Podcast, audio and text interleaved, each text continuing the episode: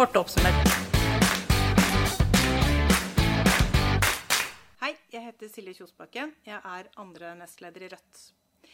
Du har kanskje lest avisene eller uh, hørt på nyhetene om uh, etterlønningene til diverse avgåtte statsråder, eller også stortingslønna til representantene som sitter der. Det er ganske høye lønninger, men jeg har enda drøyere tall her nå. Se for deg årslønna til en statsråd. Equinor-sjefen tjente like mye som årslønna til en statsråd bare i januar. 15 toppsjefer eh, i eh, statlig eide selskap hadde over 10% lønnsøkning, mens du og jeg gikk ned i lønn.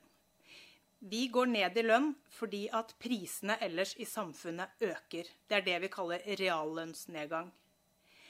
Ikke nok med det, men de 10% som sjefene i statlig eide selskaper, og også representantene og statsrådene på Stortinget og i regjeringen, tar denne pris- eller lønnsøkningen av skattepengene. Altså de pengene du og jeg betaler av den allerede lave lønna vår.